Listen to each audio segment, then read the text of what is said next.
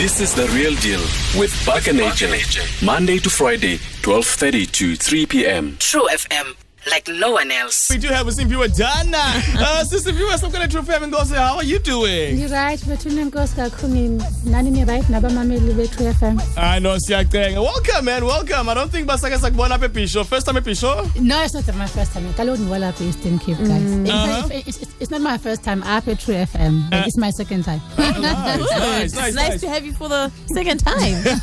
Uh, you here namhlanje to come through and uh, head up e artist development workshop um, Yes. Ebanjwe ibuyele ekhaya as well as e-true fm Yeah, so what are your views on um, e the state of artists zalapha e- e- south africa right now? You're here to develop some artists. Um, what are you trying to make these artists into? Well I, I think the past few years have almost completely killed the music industry. Um, because of the lack of support. Um, you, you've, also, you've also seen many record companies going under. Um, and many cutting down their budgets drastically, which basically then means that the quality of the music being produced was also affected. And many artists have had to go and do things by themselves, you know, which is not possible for all because not all of us uh, have either money or means to to find that money.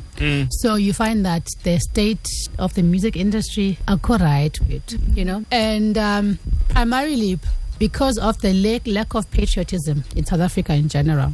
And I know that now that uh, SABC has introduced the 90% local quota, we're looking at about a year, two years before you see some changes, you know, some improvements in the industry. it's very interesting yazi wena uh, sisimpiwe ukuba uthetha ngendaba ye-patriotism and uh, uthi izinto zababhetere ngoku because uh, i-sabc has introduced the 90% uh, quota uh, were you guys struggling to, to compete against your international counterparts do you think it was a, a matter of you guys were struggling in terms of i don't know what, what it could have been that was Why are we even competing with international people in our own backyard? Mm-hmm. You know, like they don't compete with us in the US.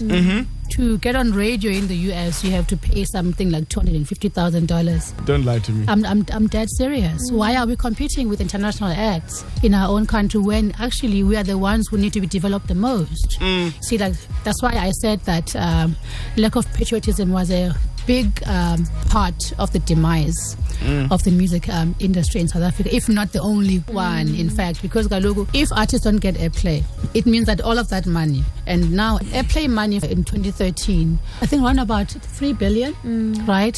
And only about 20% of that stayed in the country. Other money Wow. was, was leaving the country. That's one. Now, also, when people don't hear your music playing on radio, they mm. forget about you, mm. right? Which means then the promoters could not put on big events because people didn't know these artists that they would be booking for the events, mm. right? Which then means that promoters stopped doing shows. Many promoters, are, I think live performances have, have been cut down by 60%, if not more, in the country. So basically, all parts of the industry were suffering. If people don't know that you have music out because radios don't play it, then they won't go and buy it. So you understand that it was crippling the industry, this thing. mm, ibine-effects ezininzi Rippled effect.